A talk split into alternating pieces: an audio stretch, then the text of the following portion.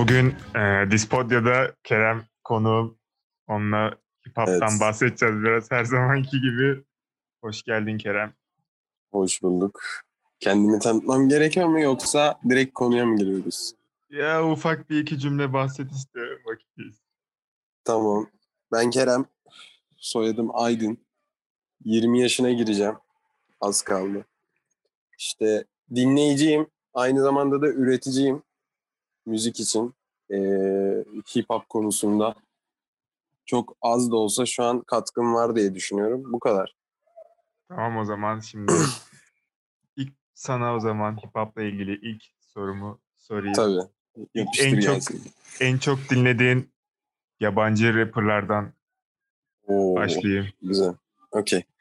Ee, benim şu an için ee, daha çok yaptığım tarzlarda dinlemeye çalışıyorum. Bana yardımcı olsun diye en azından.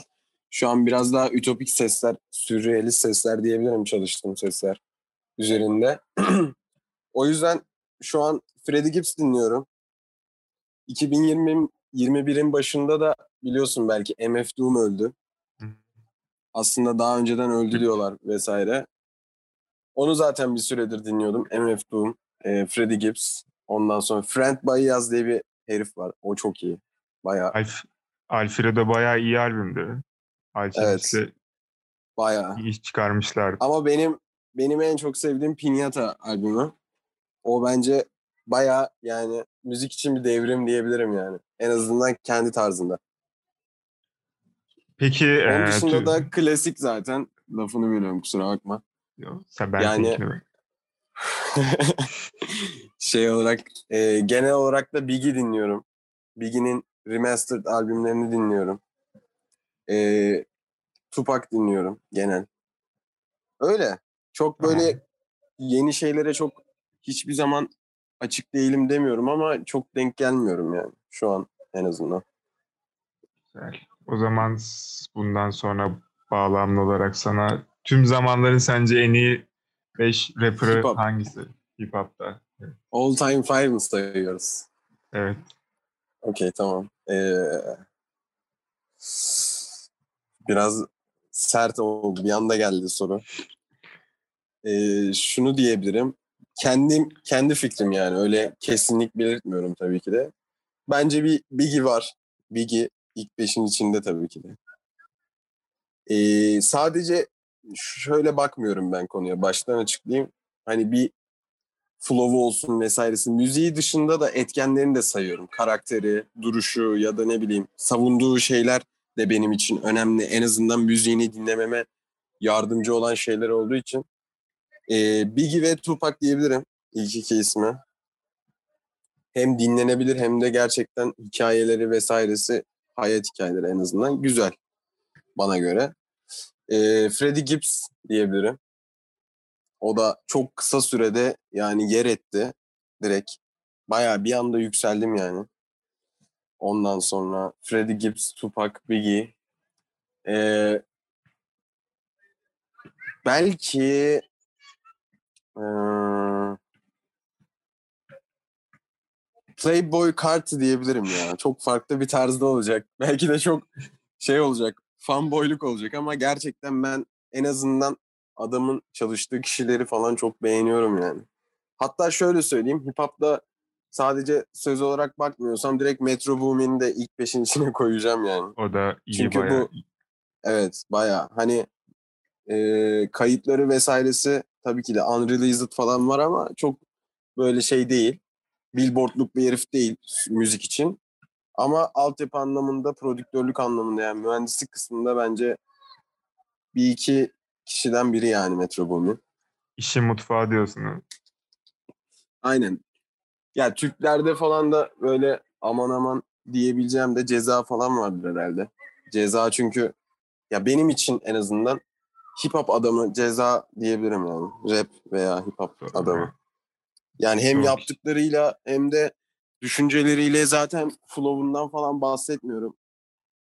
Yani o bir ortada yani orası aşikar iyi oldu. Bence ceza olabilir ya. Bence de Ama yabancılardan böyle ilk beş kesin ilk 5 diyebileceğim 5 tane yoktur da 3-4 isim vardır yani. O 5. hep değişiyor yani öyle söyleyeyim. Sorduğun için sağ ol. Ben de kendi ilk beşimi sayayım. Bir Tamam. Geçen düşünmüştüm bunu yazarken. Benim için ilk bir Eminem oluyor her zaman zaten. Ne? Klasik, klasik. İki Tamam. Biggie oluyor. Özellikle bayılıyorum o adama. Kim? Üç Kendrick olur benim için. Evet. O güzel bayağı seç. iyi müzisyen. Kabul beş- edilebilir.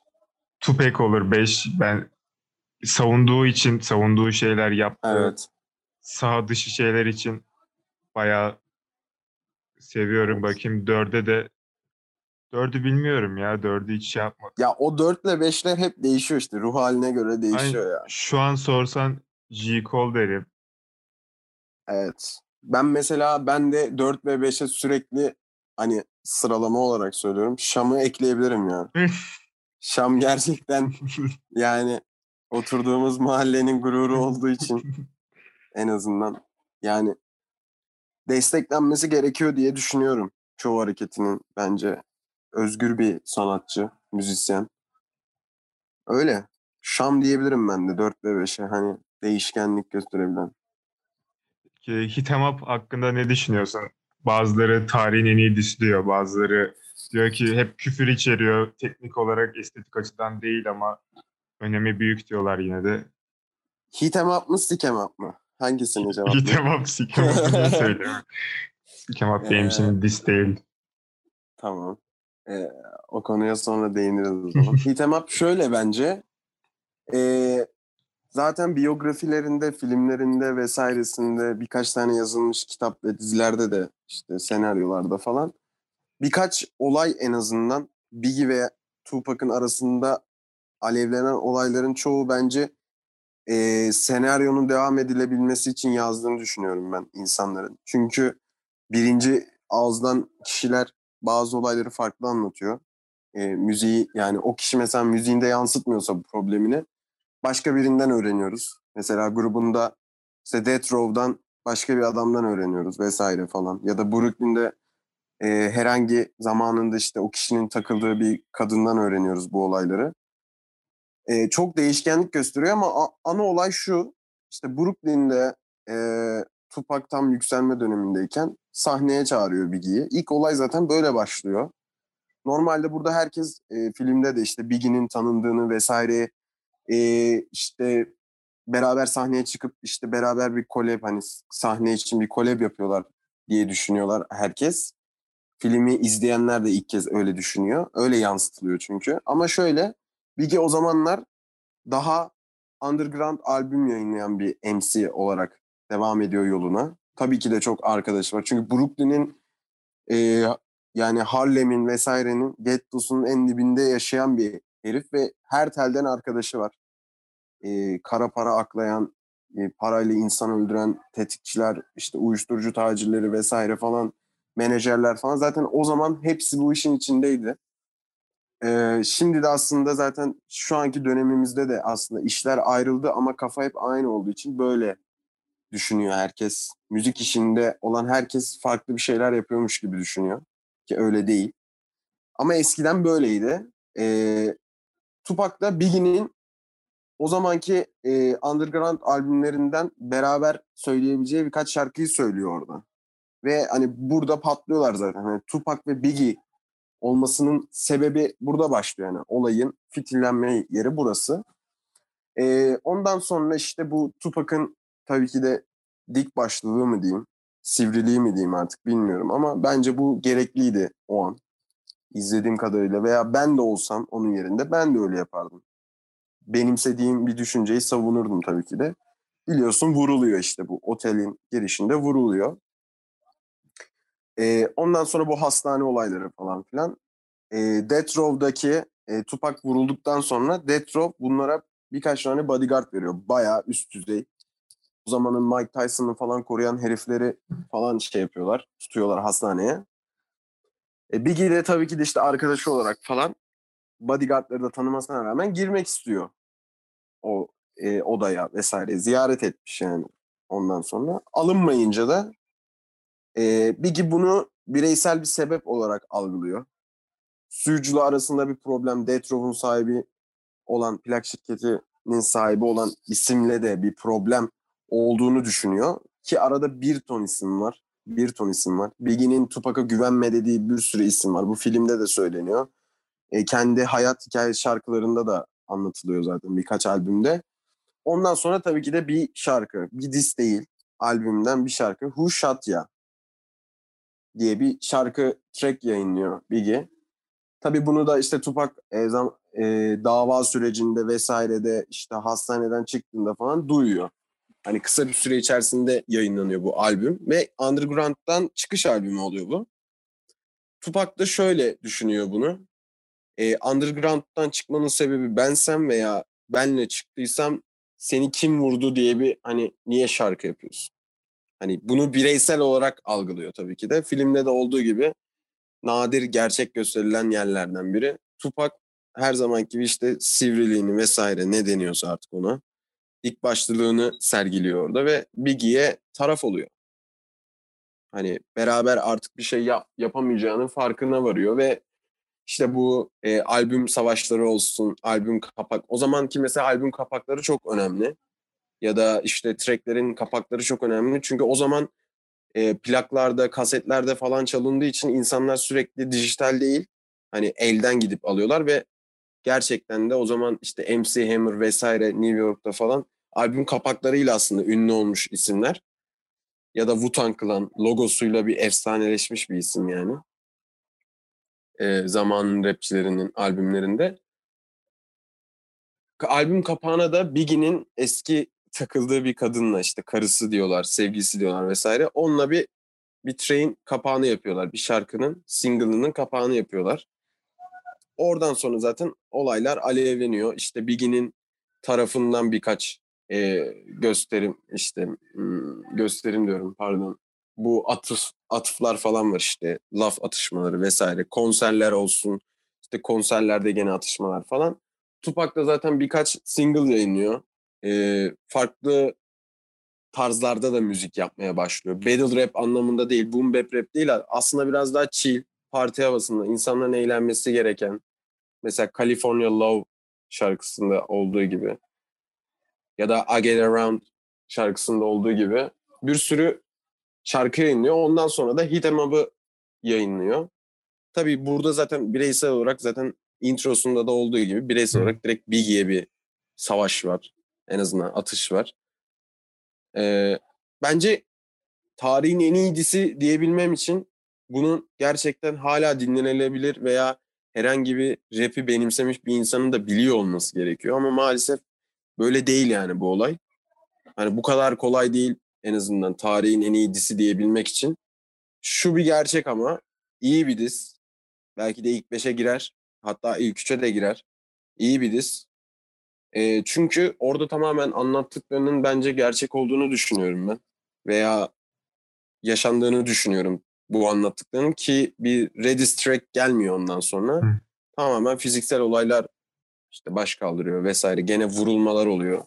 İşte sadece Tupak değil Tupak'tan önce Death Row'daki birkaç herif de vuruluyor işte vesaire vesaire. Hani bu aslında sadece Tupak ve Biggie'nin etrafında dönen bir olay değil e, tamamen işte East Coast, West Coast kavgaları gibi düşün.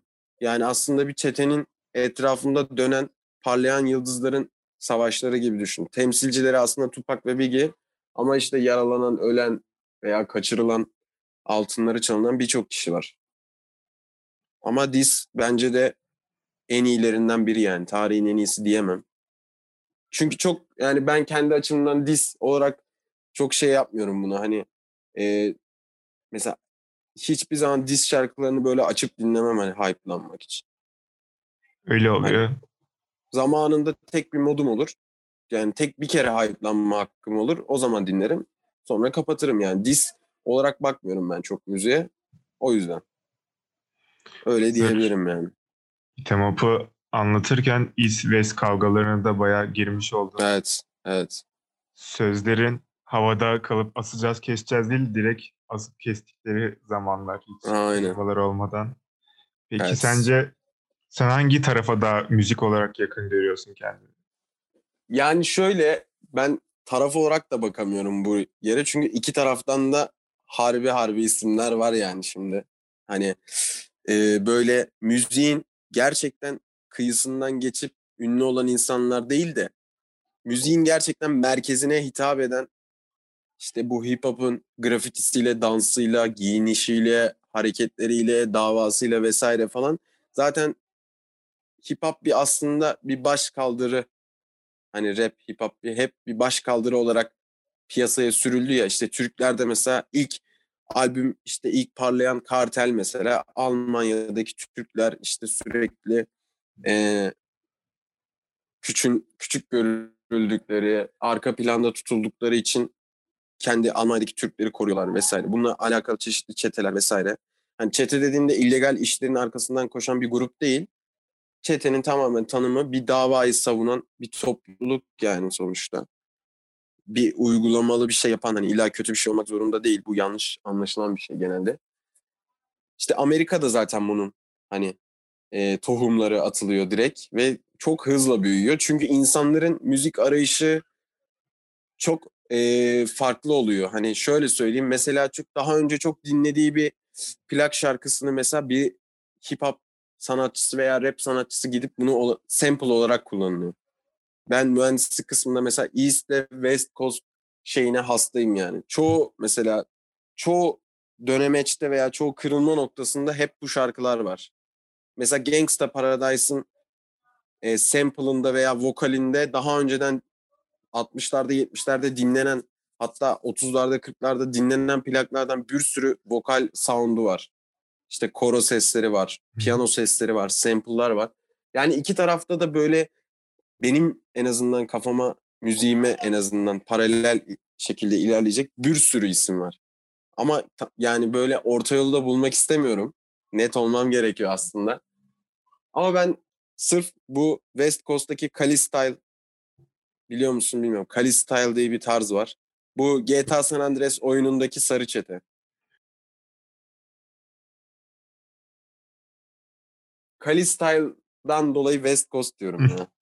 Maalesef. Yani bu Kali Style'de zaten Kaliforniya vesaire Los Angeles falan o taraflar olduğu için zaten orada da en büyük prodüktörlerden biri vardı. Dr. vesaire. O yüzden West Coast diyorum ben. Ama Bu son dediğini tekrarlasana orada sesin gitti. Oradan itibaren. Tekrarlayabilir misin? Hangisi? West Coast mu? Kalista'dan itibaren. Kalista'ydı. Aynen. Oradan itibaren tekrar. Bir saniye. 3 dakika kaçmış.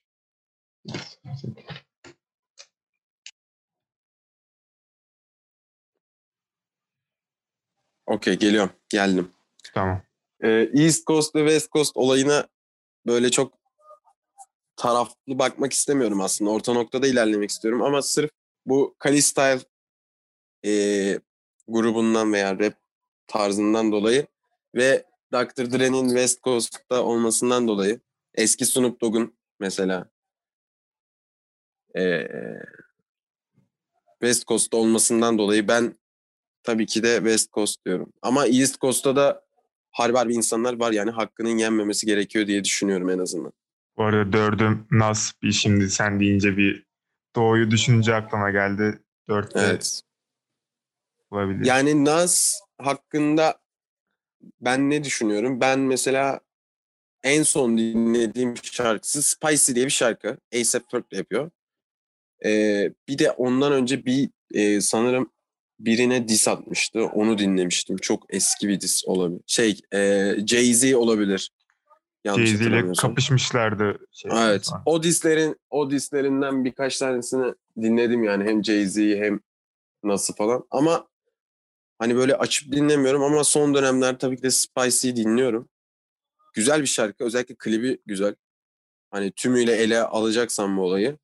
Tabii ki de zaten Nes ya da Nas ne nasıl okunuyorsa yani belli ediyor ya kendini. Direkt yeteneğinin veya işte artık adam zayıflı haline gelmiş diyorsun yani. Çok çok belli yani bu. Flow'larında falan da çok belli yani. 17 yaşında Ilmatic gibi bir albüm çıkarmış. Yaz Evet. Yani bu küçük yaşta albüm çıkarma aslında hani şu an sanki böyle 16 yaşında hani 17 değil de daha öncesinde bir albüm çıkarıp parlamayan bir insan gibi konuşuyorum ama bence bu riskli. Yani tamamıyla riskli. Şöyle underground olarak yayınlayabilirsin.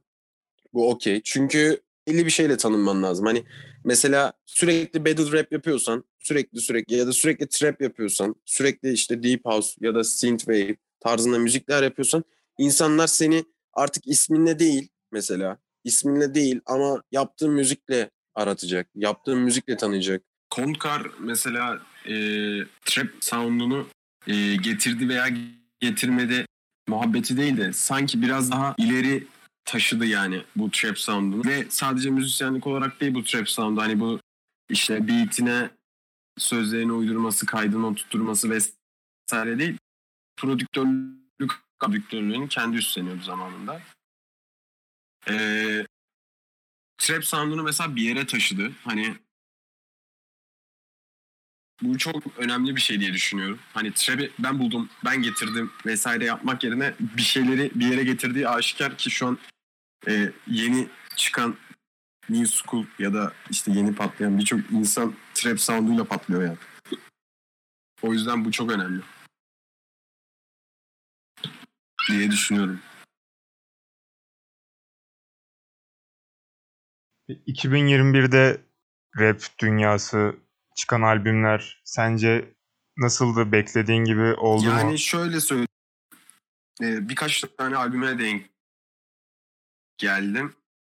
Hemen onların da isimlerini söyleyeyim ben. Ee, The Wolf on Wall Street diye bir albüm var. Gene böyle e, sürrealist veya ütopik seslerle hani e, doğadaki sesler de diyebilirsin bunu ama elektronik denmez yani buna en azından. Bu kesin. İşte elektronik olmayan müziklerle yapılıyor bu albüm. Ve gayet güzel ya. Freddie Gibbs tarzı. Beğendim yani. The God Fahim diye bir herif söylüyor bunu. Albümü. Ondan sonra e, bu sene gene Pierre Bourne belki biliyorsundur. Playboy kartıyla bu genellikle çalışan işte bu Adlib'i ünlü olan herif. İşte Fraser Trill diye bir herifle şarkı çıkardı gene şey albüm çıkardı daha doğrusu. Fraser kendi ismini koydu albüme. O güzel. Ee, California Girls diye bir albüm yayınlandı. Lil Peep tarafından. EP yani aslında. Ee, o da e, daha önce aslında yayınlanan birkaç birkaç şarkı var yani. İşte California World, Pray I Die, Beat It falan. Beamer Boy mesela bu albümün içine konmuş. Güzel şeyler yayınlanıyor yani. Releaseleniyor belki bu sene gene böyle e, banger bir sound albüm beklemek ne kadar hani mantıklı bilmiyorum ama bu sene de güzel işler çıkacağını düşünüyorum yani. Tabii ki de. 2021'de Kendrick'ten bir albüm bekleniyor. Yani Bayağı üstünde Kendrick 4 yıldır çalıştığına göre evet. Ya bu sene belki yayınlamayabilir. Bu sene belki hani yayınlamayabilir gene. Hani yayınlamayabilir dediğim şöyle albüm yapım aşamasında olabilir. Hani 4 sene çalışmanın yanına birkaç sene daha iyi olmasını istiyorsa çalışabilir diye düşünüyorum ki Kendrick çok yüksek kesme hitap eden hani sayı anlamında yüksek kesme hitap eden bir MC diye düşünüyorum. Ki zaten Dame albümü de yanlış hatırlamıyorsam Dame miydi? 2017'de çıkardı. O albüm yani çok değişik bir albüm. Her telden var ve her şarkısı ayrı modda dinlenebilecek şekilde. Yani bu sene çıkmasa bile çıktığında gerçekten yıllar boyunca dinlenebilecek bir albüm yapacağına eminim yani kendilerinin. Böyle düşünüyorum. Woodkid albümü gibi. Evet, aynen. O da mesela yıllar boyunca dinlendi ve refleks oldu artık hani. Ee, artık insanların beyninde yer etti diye düşünüyorum. Yani Türkiye'de de var bunun örneği. Sürekli işte yurt dışı Türkiye, yurt dışı Türkiye'ye bakmamak lazım bir şey. Çünkü artık Türkiye'de de global anlamda dinlenen birkaç şarkı var. Hani bunu kimse inkar edemez. Ee, şu anlamda söylüyorum.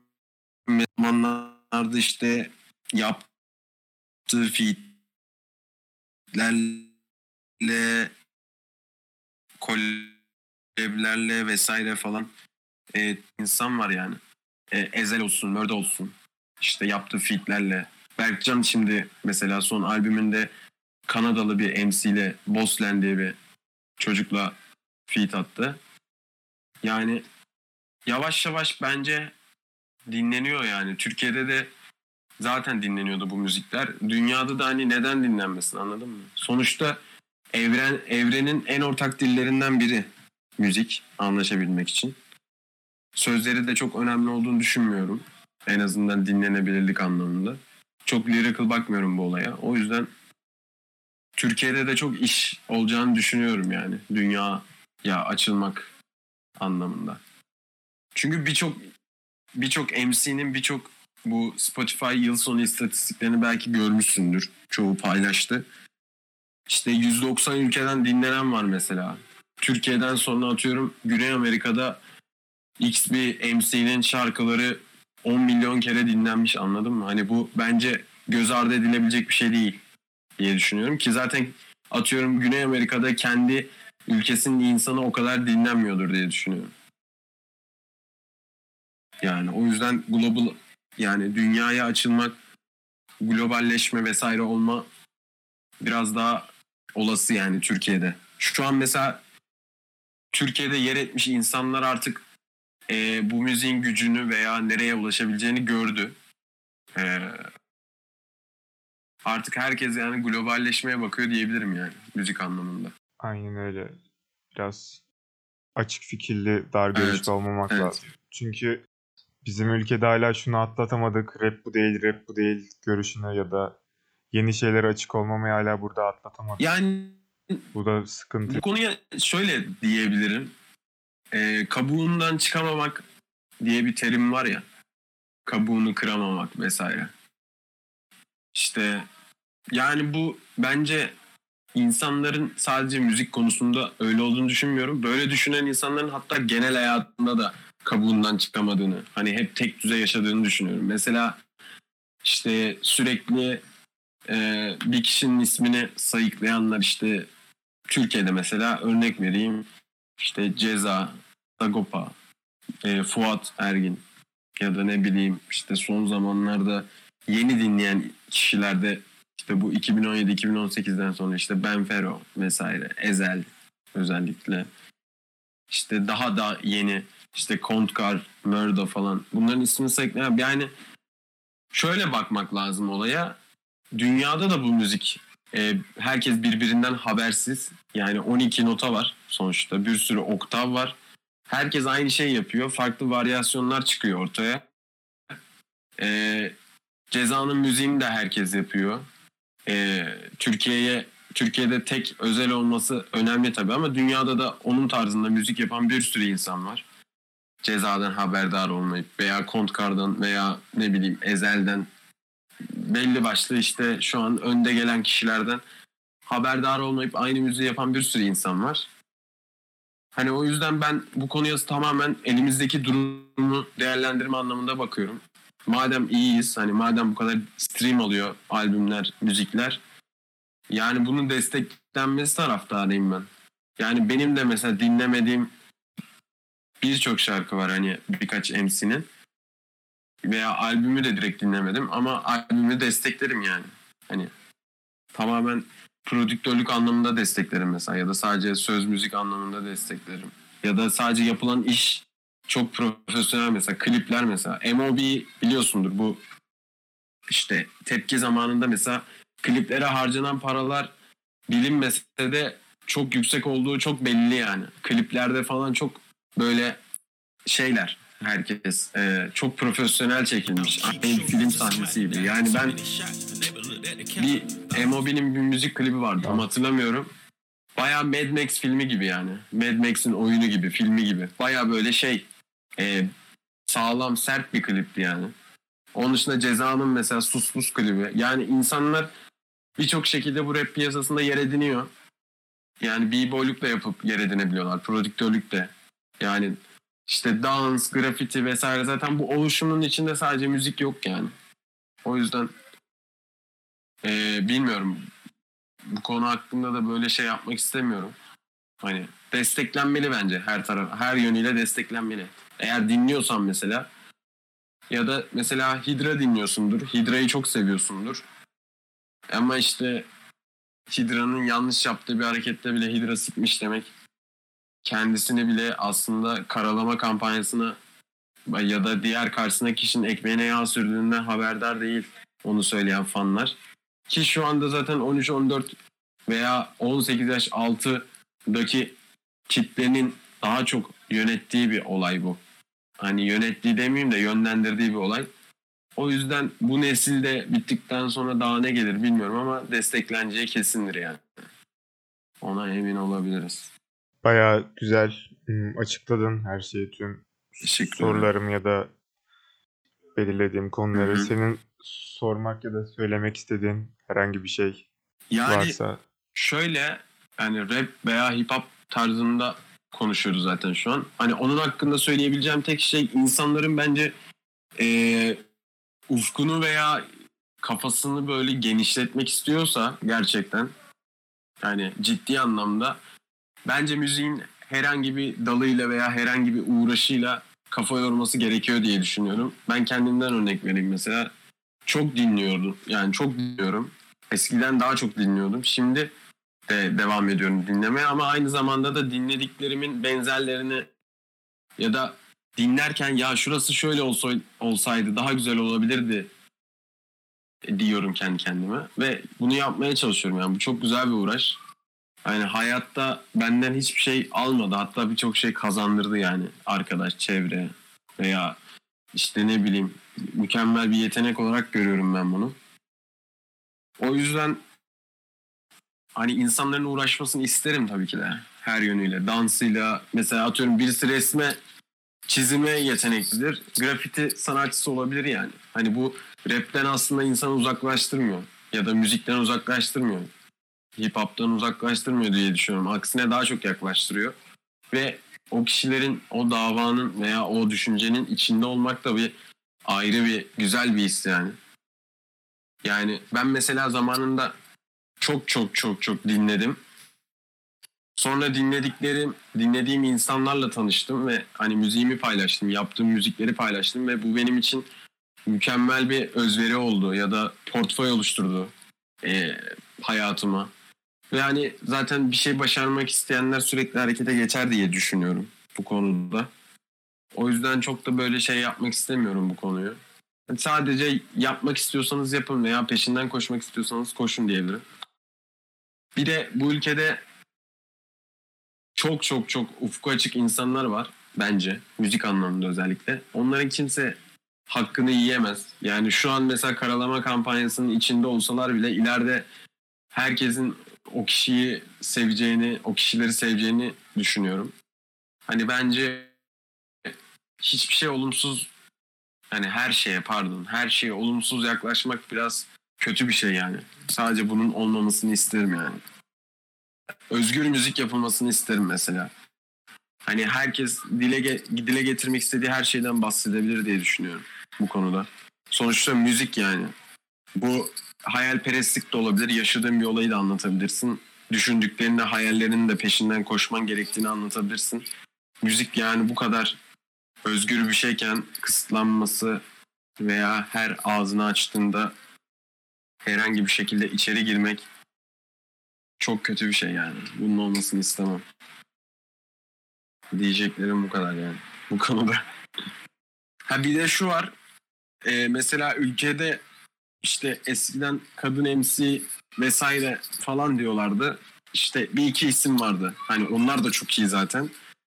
İşte çok çok eskiden e, işte No ile Feat'i olan Derya vardı. İşte Ayben var mesela. Ayben çok çok iyi yani. Hani direkt cezanın genlerini taşıyor yani. Daha ne kadar kötü olabilir diye düşünüyorum. Hani bunlar varken bir de şimdi bunların yenileri ve daha güzel bir şekilde hani süper stream alan bir sürü rapçi işte e, kadın rapçi var. Bence bunların da önünün kesilmemesi gerekiyor. Ve bu zaten ileriki nesillere de çok büyük bir örnek oluyor diye düşünüyorum. Sonuçta ben de şu an dinlediğim müziği başkasından görüyorum. Şu an diğer müziği dinleyen insanlar da onlardan görüyor. Bence çok güzel bir iş yani. Ayrıca kadınların da desteklenmesinin gerektiğini düşünüyorum bu konuda. Ayrı olarak. Yani bu kadar. Çok bayağı iyi konulara değindin sonda. Evet. Toplumsal bir mesaj verdim diye düşünüyorum. Umarım yerine ulaşır. Yani bir de e, bu yani nasıl açıklayacağımı bilmiyorum ama genelde bu Türkiye'de hani kadın işin içine girince kadın bu işi yapamaz. Kadının işi değildir bu vesaire falan. Hani sonuçta rap, hip hop dünyası eskiden beri bir sertlik, kavga, dövüş, hırgür vesaire olarak görülüyor. Tabii ki de kadınlar eee, bunların içinde olmamalı. Bunlara alet olmamalı mesela. Ben de bunu isterim ama şu an mesela bu müzik bu şekilde insanlara ulaştırılmıyor. O yüzden kadınlar bu işin içinde olması gayet normal yani ve desteklenmeli. Eskiye göre her şey artık değişti yani. Hani insanların kafası eskide kalıp yeniye uyarlamaya çalışıyorlar. Hani aslında insanların kafası ileriye dönük ve yeniye uyarlanmaya alışık olmaları gerekiyor. Ancak böyle gelişebilirler müzik anlamında diye düşünüyorum. Sonuçta ceza çok işte old school rapçilerin hepsini mesela buraya işte getirsek veya saysak şu an hepsi bence bir iki kere bile olsa trap sound'unu denemiştir mesela. Yeni müzik olarak söylüyorum. New school tarzında. Hepsi de denemiştir yani. Yayınlanmış olsun olmasın. Ki çoğu da deniyor farklı müzik türleri sonuçta.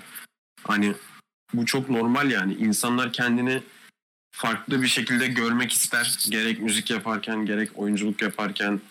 Hani bunu bir rol yapan bir oyuncu olarak görebiliriz bunu mesela. Bir gün işte aşık rolünde oynayan diğer gün işte diğer filmde e, aldatan bir rolde olabilir yani. İnsanlar sonuçta sanat yapıyor burada ve özgür olmak zorundalar. İşte arz talep meselesi neyse onlar da onu gerçekleştirmek zorunda diye düşünüyorum. Hani istenileni vermek burada önemliyse tabii ki de farklı farklı soundlara yönelmek çok normal burada. Yani bu kadar. Bunu herhangi bir yere de ekleyebilirsin bence. Bunu sona ekleme. Böyle işte. Zaten söylenebilecek her şeyi söyle. Evet. Ee, yayın gayet güzeldi. Konuşurken hem eğlendim hem de Ben de bir eğlendim. şeyler de Teşekkür ederim. sana. yeni yeni öğren. Evet. Senin Öğrenmiş başka bana sormak istediğin bir merak ettiğin benim vesaire başka bir şey hakkında sorun var mı? Yani X bir şey. Yo her şeyi hakkında. söyledin. Sormadıklarımı da sorsam mı diye düşündüklerimi de söyledin. Hı hı. O zaman ben Yani diyorum ki buradan arkadaşlar ben şimdi bir şeye karışacağım. Bana yardım edin, destek olun. Reklam yapıyorum buradan. Şaka yapıyorum. Ee, bir albüm için uğraşıyorum. Instrumental bir albüm. Ben de ona başladım şimdi. Umarım iyi gider. İyi olur her şey kafamdaki gibi olur. Bakalım. Bir şekilde başladık artık. Bitirmemek ayıp olur yani. O yüzden bitireceğiz. Bakalım. Seneye kadar yapabilirsem mix, mastering vesaire yapabilirsem veya birkaç tane daha track ekleyebilirsem gerçekten en azından güzel bir yerde olacağımı düşünüyorum müzik anlamında. zaman seni uğurlayayım, kendim de uğurlayayım. Tamamdır. Geldiğin Görüşürüz. teşekkürler. Ben teşekkür ederim. Davet ettiğin için. Albümün reklamını burada yapacağız. Merak etme. Çıkar- çıkarabilirsem neden olmasın? Ben her yerde yaptıracağım zaten. Eğer bir gün parayı bile bulursam bu zeplinler var ya böyle pankart asan onlara vereceğim. Gerçekten param olursa onunla uğraşacağım. Ve o zepline de ben binmek istiyorum.